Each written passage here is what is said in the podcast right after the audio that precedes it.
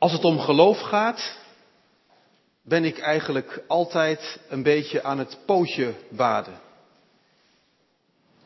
Die uitspraak kwam ik pas tegen in een interview. Als het om geloof gaat, ben ik eigenlijk altijd een beetje aan het pootje baden.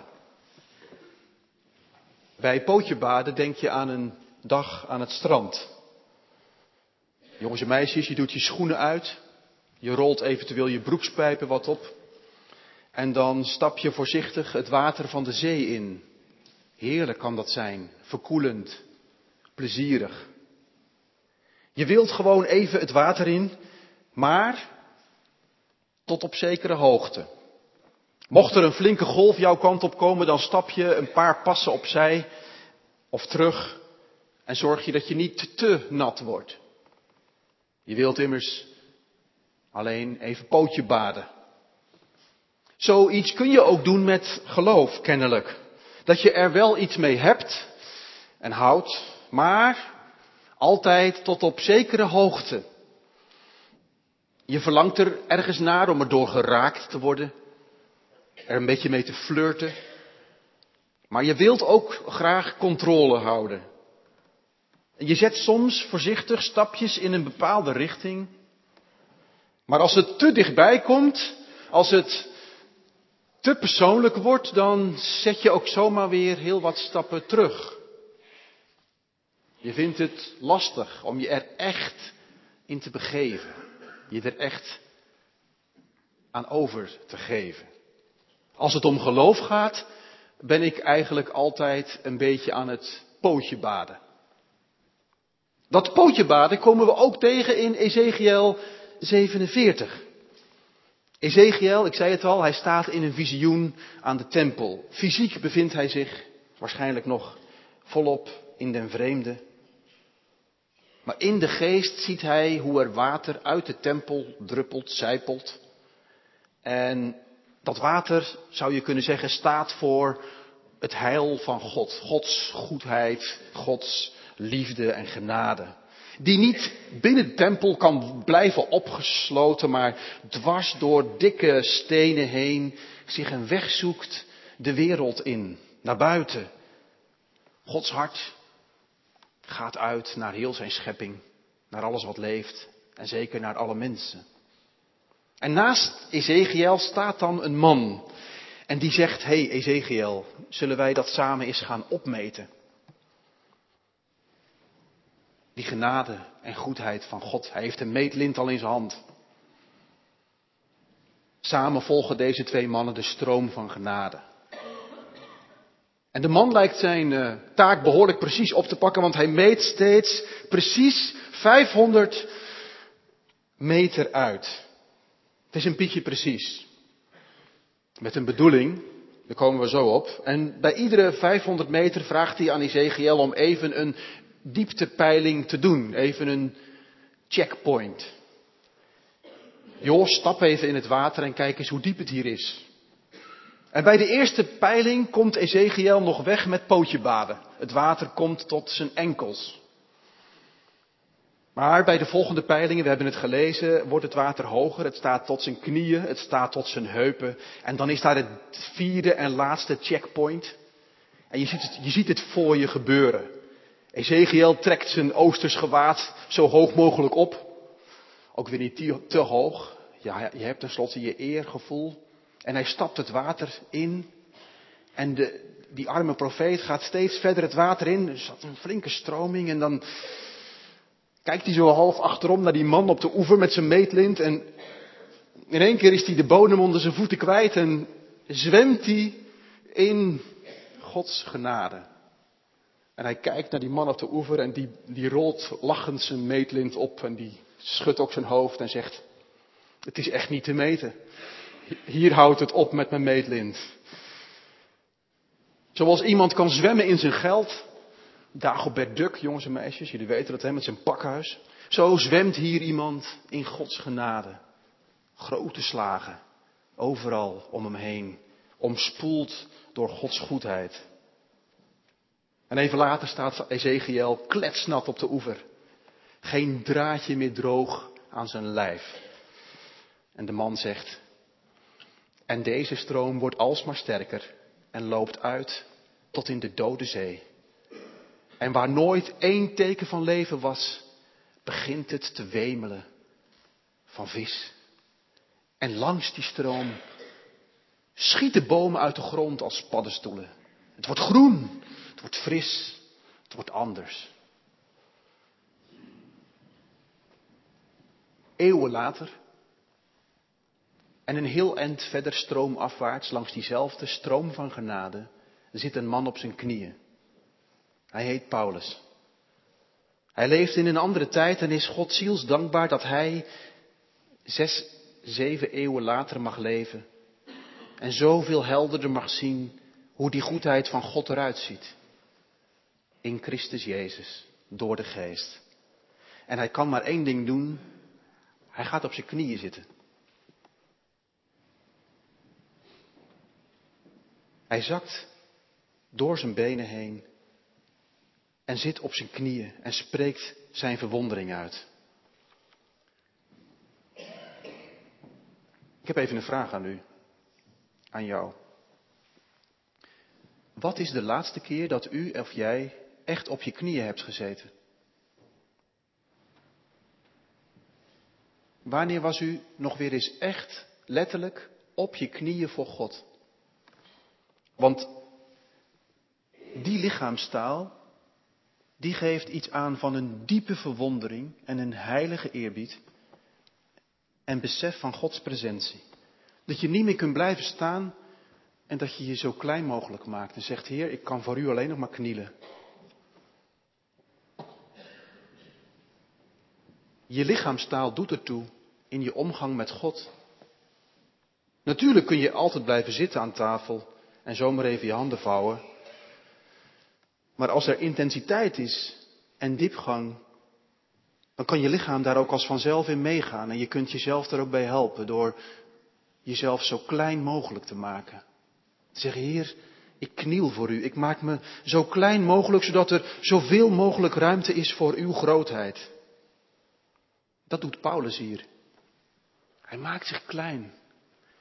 Wij leren dat soms als jongens en meisjes van onze ouders. Hier, jongen, meisje, kind, voordat je gaat slapen, kniel maar even voor je bedje en bid.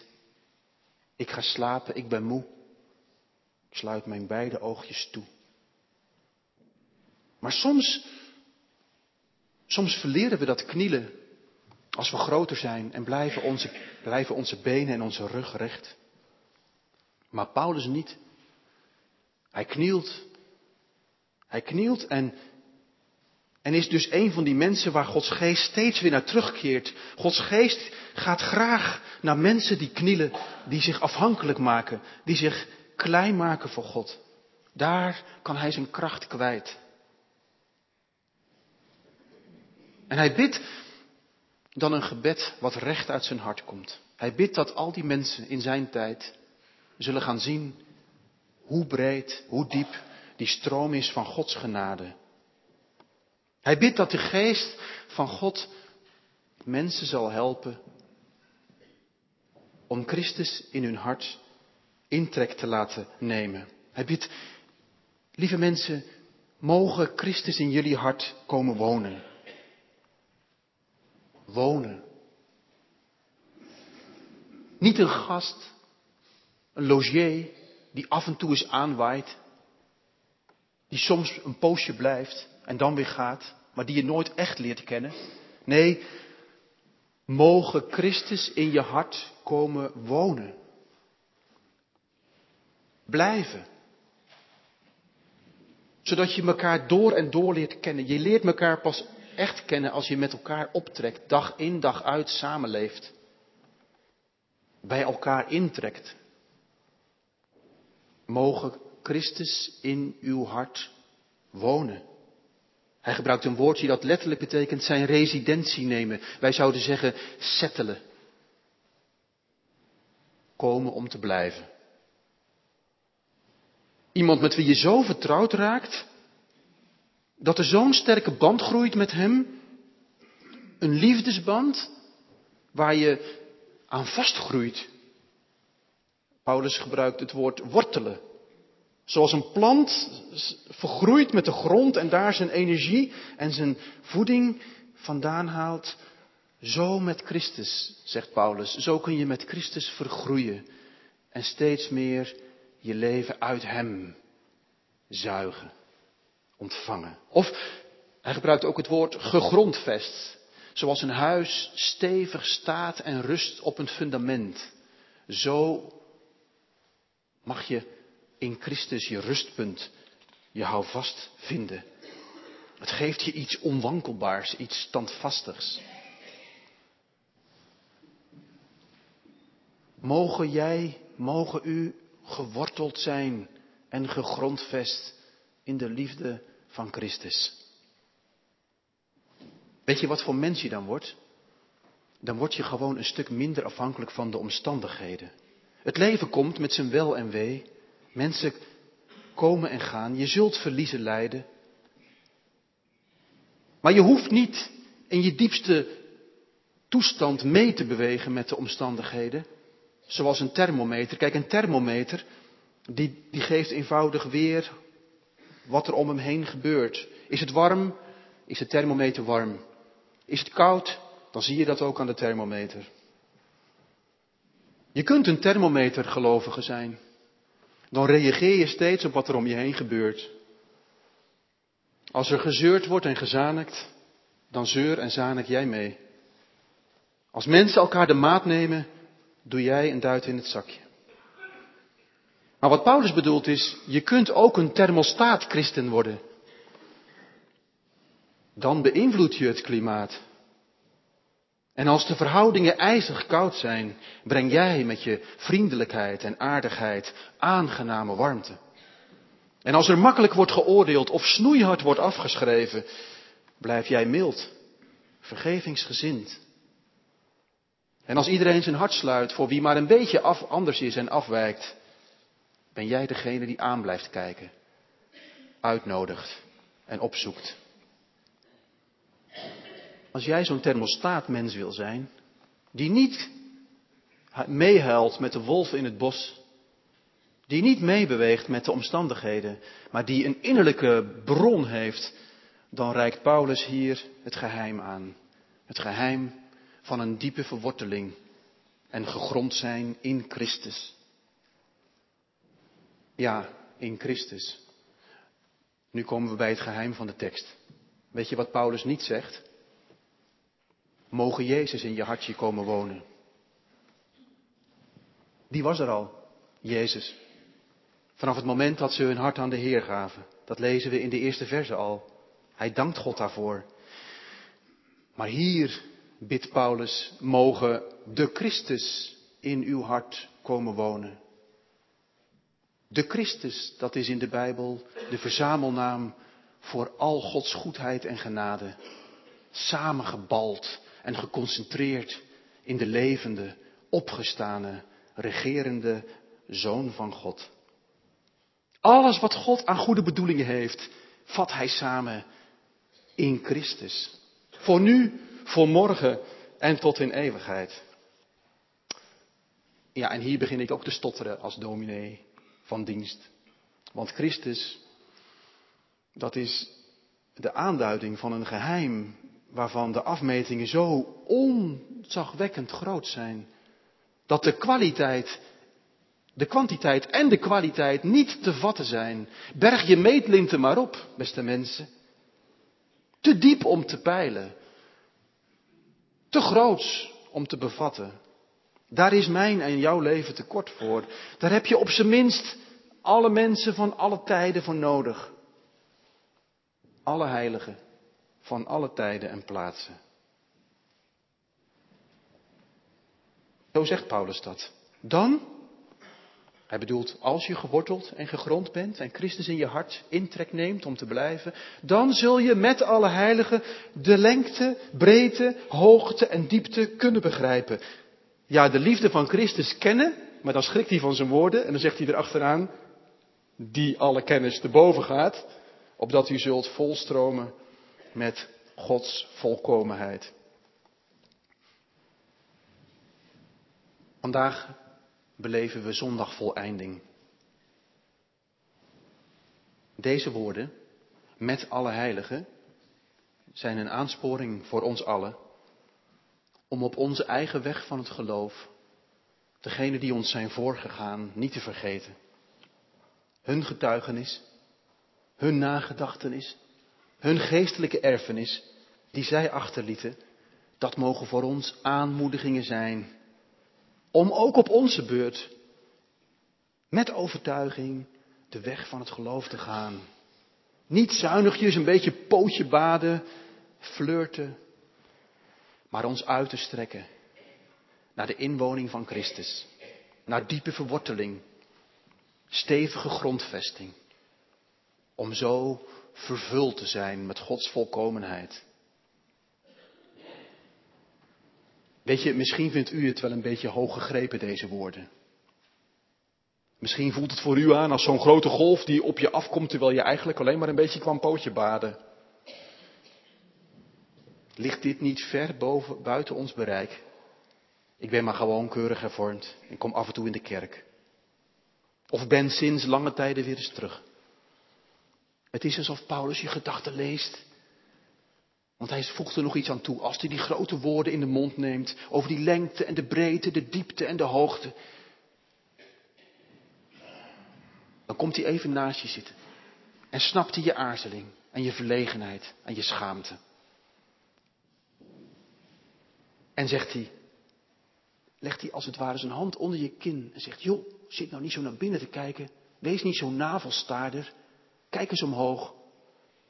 Aan hem, zegt hij in die machtige slotverse. Aan hem, die door de kracht die in ons werkt, bij machten is veel meer te doen dan wij vragen of denken. Aan hem komt de eer toe.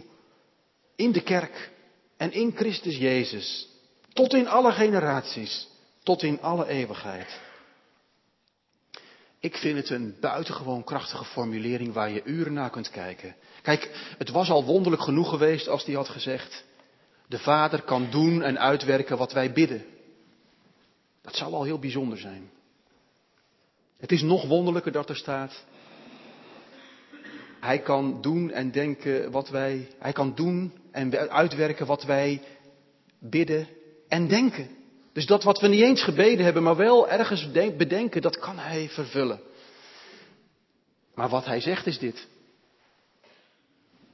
God is bij machten om veel meer te doen dan wij denken of bidden. Hij zegt het nog iets sterker. Hij zegt, God is bij machten oneindig veel meer te doen dan wij denken of bidden. Wat moet ik nou met dat visioen van Ezekiel? Wat moet ik nou met dat gebed van Paulus? Ik denk vooral dit. Ze willen verlangen in je oproepen. Alles wat God doet in jou en mijn leven begint met verlangen. Iemand heeft het eens prachtig gezegd. Hij zei, als je samen een schip wil bouwen, begin dan niet met hout te verzamelen. Begin ook niet met het werk te verdelen en orders uit te delen. Nee, als je samen een schip wil bouwen, oefen elkaar dan eerst en vooral in verlangen.